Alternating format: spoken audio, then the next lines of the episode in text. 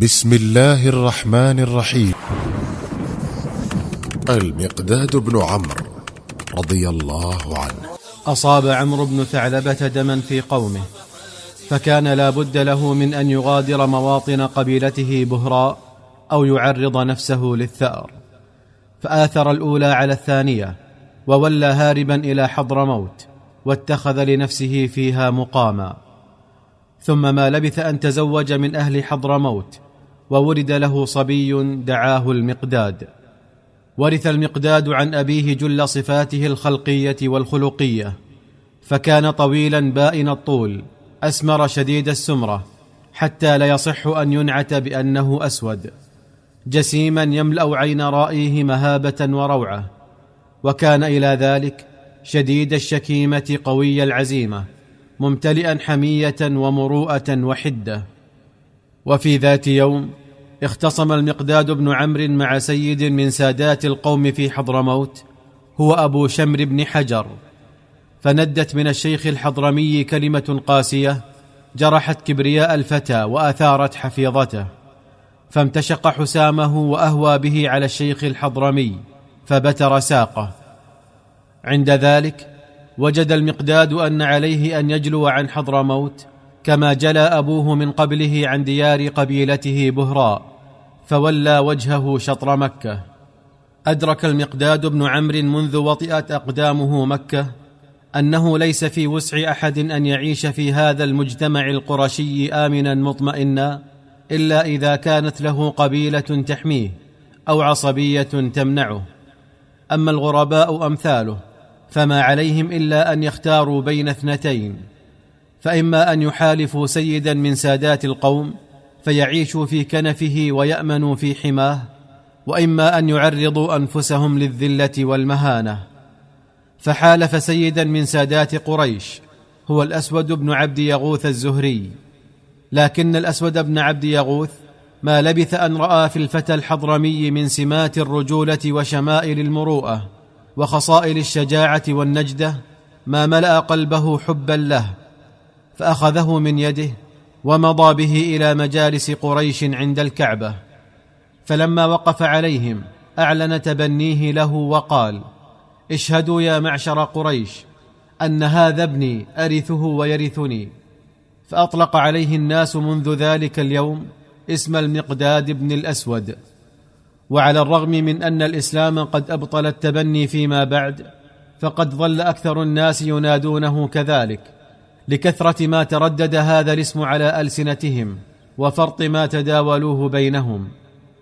لم يكن المقداد بن عمرو أو المقداد بن الأسود كما كانوا ينادونه مرتاحا إلى ذلك المجتمع الجاهلي الذي تراق فيه الدماء ظلما وبغيا وتستباح فيه الحرمات عدوانا وجورا ويستذل فيه القوي الضعيف وتسوده العصبيات العمياء.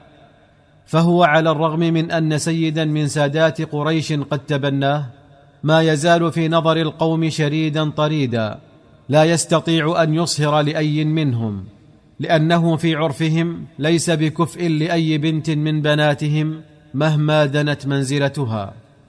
وكان المقداد يسمع ما يدور على ألسنة الكهان وما يرويه أحبار يهود من أن نبيا قد أطل زمانه. سيملأ الدنيا برا وخيرا وعدلا فيقول في نفسه عسى ولعل. لم يمض على ذلك غير قليل حتى بعث الله نبيه محمدا صلى الله عليه وسلم بدين الهدى والحق. فما إن سمع به المقداد بن عمرو حتى بادر إليه ووضع يده في يديه وشهد أن لا إله إلا الله وأن محمدا عبده ورسوله. ثم مضى إلى مجالس قريش عند الكعبة وأعلن إسلامه على ملأ من القوم فكان سابع سبعة أعلنوا إسلامهم على ظهر الأرض. لم يكن المقداد بن عمرو حين توجه إلى مجالس قريش ليعلن دخوله في دين الله جهارا نهارا يجهل وقع ذلك على قريش ولم يكن يخفى عليه ما سينزلونه به من الأذى والنكال. لكنه كان يعلم أيضا أن دعوة كدعوة الإسلام لا بد لها من قرابين فعزم على أن يكون أحد شهدائها وضحاياها. صبت قريش على المقداد بن عمرو من بطشها ونكالها ما يزلزل الجبال فلم يتزعزع ولم يتضعضع. وما كان يزيده العذاب إلا صلابة في دينه ورسوخا في إيمانه ويقينه. ولما أذن الرسول صلوات الله وسلامه عليه لأصحابه بالهجرة إلى المدينة أبت قريش على المقداد بن عمرو أن يغادر سجنها الكبير فقد كان حقدها عليه يتكافأ مع تحديه لها ولذا كان من أواخر المسلمين هجرة. ثم إنه لم يستطع التخلص من قريش إلا بحيلة فلما وصل إلى المدينة فرح الرسول صلوات الله وسلامه عليه بمقدمه إذ كان يحبه حبا جما ويقول إن الله عز وجل أمرني بحب أربعة وأخبرني أنه يحبهم علي والمقداد وأبو ذر وسلمان. قسم الرسول صلى الله عليه وسلم المهاجرين من أصحابه عشرات وجعل كل عشرة في بيت فكان المقداد بن عمرو من العشرة التي سعدت بمساكنة رسول الله صلى الله عليه وسلم وسعدت بكريم شمائله ولقيت من بره وعطفه الشيء الكثير. حدث المقداد قال كنت في جملة العشرة الذين اختارهم رسول الله صلى الله عليه وسلم ليكونوا معه في بيته وكانت لآل رسول الله صلى الله عليه وسلم ثلاث أعنز. يحتلبونها ويوزعون لبنها بيننا وكنا نرفع لرسول الله صلى الله عليه وسلم نصيبه. وفي ذات ليلة جئت أنا وصاحبان لي وكان الجوع قد نهكنا حتى أوشكنا ألا نسمع ولا نبصر. أما صاحباي فقد شربا نصيبهما وناما وأما أنا فلم يكفني ما شربته وبقيت خاوي البطن لا أستطيع النوم من شدة الجوع. فقال لي الشيطان ماذا عليك لو شربت هذه الجرعة التي رفعت لرسول الله صلى الله عليه وسلم؟ فإن النبي صلى الله عليه وسلم يأتي إليه الأنصار فيهدون له أمثالها إذا شاء وما زال بي يغريني بها حتى شربتها. فلما شربتها جاءني الشيطان يندمني على ما فعلت ويقول ماذا صنعت بنفسك؟ الآن يجيء محمد فلا يجد شرابه فيدعو عليك فتهلك. وكانت الليلة باردة وكانت علي شملة إذا وضعتها على رأسي بدت منها قدماي وإذا غطيت بها قدمي انكشف رأسي. وكان الرسول صلى الله عليه وسلم إذا جاء في الليل يسلم تسليما يسمع اليقظان ولا يوقظ النائم. فما هو إلا قليل حتى جاء وسلم.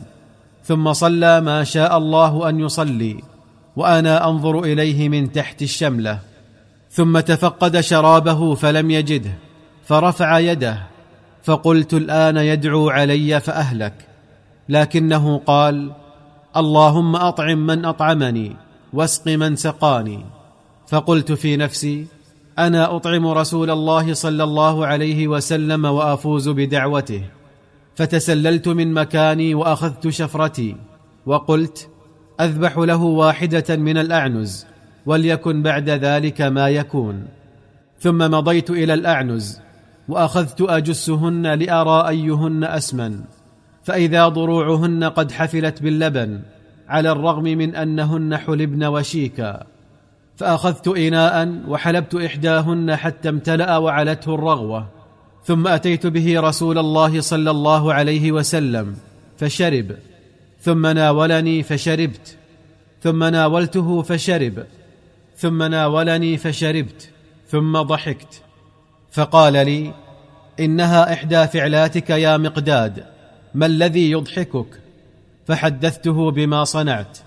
فقال ما كانت إلا رحمة من الله تعالى. لو كنت أيقظت صاحبيك فأصابا من اللبن الذي شربنا منه. فقلت والذي بعثك بالحق ما أبالي إذا شربت منه أنت وشربت أنا من فضلتك ألا يشرب أحد. استقر المقداد بن عمرو في المدينة ولم يكن قد تزوج بعد. فبينما هو جالس مع عبد الرحمن بن عوف رضي الله عنهما قال له عبد الرحمن ما لك لا تتزوج يا مقداد؟ فقال المقداد زوجني ابنتك. فقال عبد الرحمن ابنتي لا أزوجك ابنتي وأسمعه كلمة لم ترضه. فقام المقداد وهو يقول أما زالت فينا بقية من جاهلية؟ أما سوى الإسلام بين أبنائه؟ وجعل أكرمهم عند الله أتقاهم؟ ثم مضى إلى رسول الله صلى الله عليه وسلم وذكر له ما كان من عبد الرحمن بن عوف فقال له النبي عليه الصلاة والسلام أفلا يرضيك أن تصاهر رسول الله يا مقداد؟ فلم يصدق المقداد أذنيه وقال بلى يا رسول الله ولكن من لي بذلك الشرف؟ فقال أنا لك به. وزوجه ابنة عمه ضباعة بنت الزبير بن عبد المطلب فغدا صهرا لرسول الله صلى الله عليه وسلم وحسبه بذلك مجادة وفخرا. ثم كانت بدر حيث خرج رسول الله صلوات الله وسلامه عليه بثلاثمائة وبضعة عشر رجلا من أصحابه وهم لا ينوون أن يخوضوا حربا شاملة. فلما وجد الرسول صلى الله عليه وسلم نفسه مضطرا لخوضها كان لا بد له من أن ينال موافقة رجاله فعرض عليهم الأمر فقال أبو بكر وأحسن وقال عمر وأحسن لكن الموقف ظل يحتاج إلى كلمة حاسمة حازمة تنهي التردد وتشد العزائم فكان شرف هذه الكلمة للمقداد بن عمرو. حيث توجه إلى النبي صلى الله عليه وسلم بقامته الفارعة وصوته الجهوري وقال يا رسول الله امض لما أراك الله فنحن معك. والله لا نقول لك كما قالت بنو إسرائيل لموسى اذهب أنت وربك فقاتلا إنا هاهنا قاعدون. ولكن نقول لك اذهب أنت وربك فقاتلا إنا معكما مقاتلون. والذي بعثك بالحق. لو سرت بنا إلى برك الغماد لجالدنا معك من دونه حتى تبلغه. فأشرق وجه النبي الكريم صلى الله عليه وسلم بالفرحة وقال له خيرا ودعا له بخير. وكان المقداد بن عمرو يومئذ المجاهد الوحيد الذي خاض بدرا على فرس إذ كان الباقون إما مشاة وإما على الجمال. فسجل له تاريخ الجهاد في الإسلام أنه أول من عدا على فرس في سبيل الله. تذوق المقداد بن عمرو لذة الجهاد في سبيل الله يوم بدر فآلى على نفسه أن يظل مجاهدا لإعلاء كلمة الله ما بقي سيفه مستمسكا بيده وقد بر بقسمه. فقد رؤي في خلافة عثمان بن عفان رضي الله عنهما يجلس على صندوق من صناديق الصيارفة في أحد أسواق حمص وقد كبرت سنه حتى قاربت على السبعين وترهل جسده حتى فاض عن الصندوق وكان سيفه في حجره. فقال له رجل من القوم ما تفعل هنا يا صاحب رسول الله صلى الله عليه وسلم؟ فقال أنتظر خروج الغزاة إلى الثغور لأكون معهم. فقال له هل لا عدت إلى بيتك؟ فإن الله قد أعذر إليك بعد أن بلغت من السن ما بلغت. فقال هيهات يا بني لقد أبت علينا سورة البعوث يريد سورة الأنفال. ألم تسمع قوله تعالى انفروا خفافا وثقالا أتجد فيه أن الله استثناني؟ عاش المقداد بن عمرو حتى بلغ الثالثة والسبعين من عمره. مجاهدا في سبيل الله عازفا عن الإمارة. ولما أتاه اليقين وارته البقية الباقية من أصحاب رسول الله صلى الله عليه وسلم في لحده وهم يقولون سيف من سيوف الله عاد إلى غمده بعد طول عناء وحسن بلاء.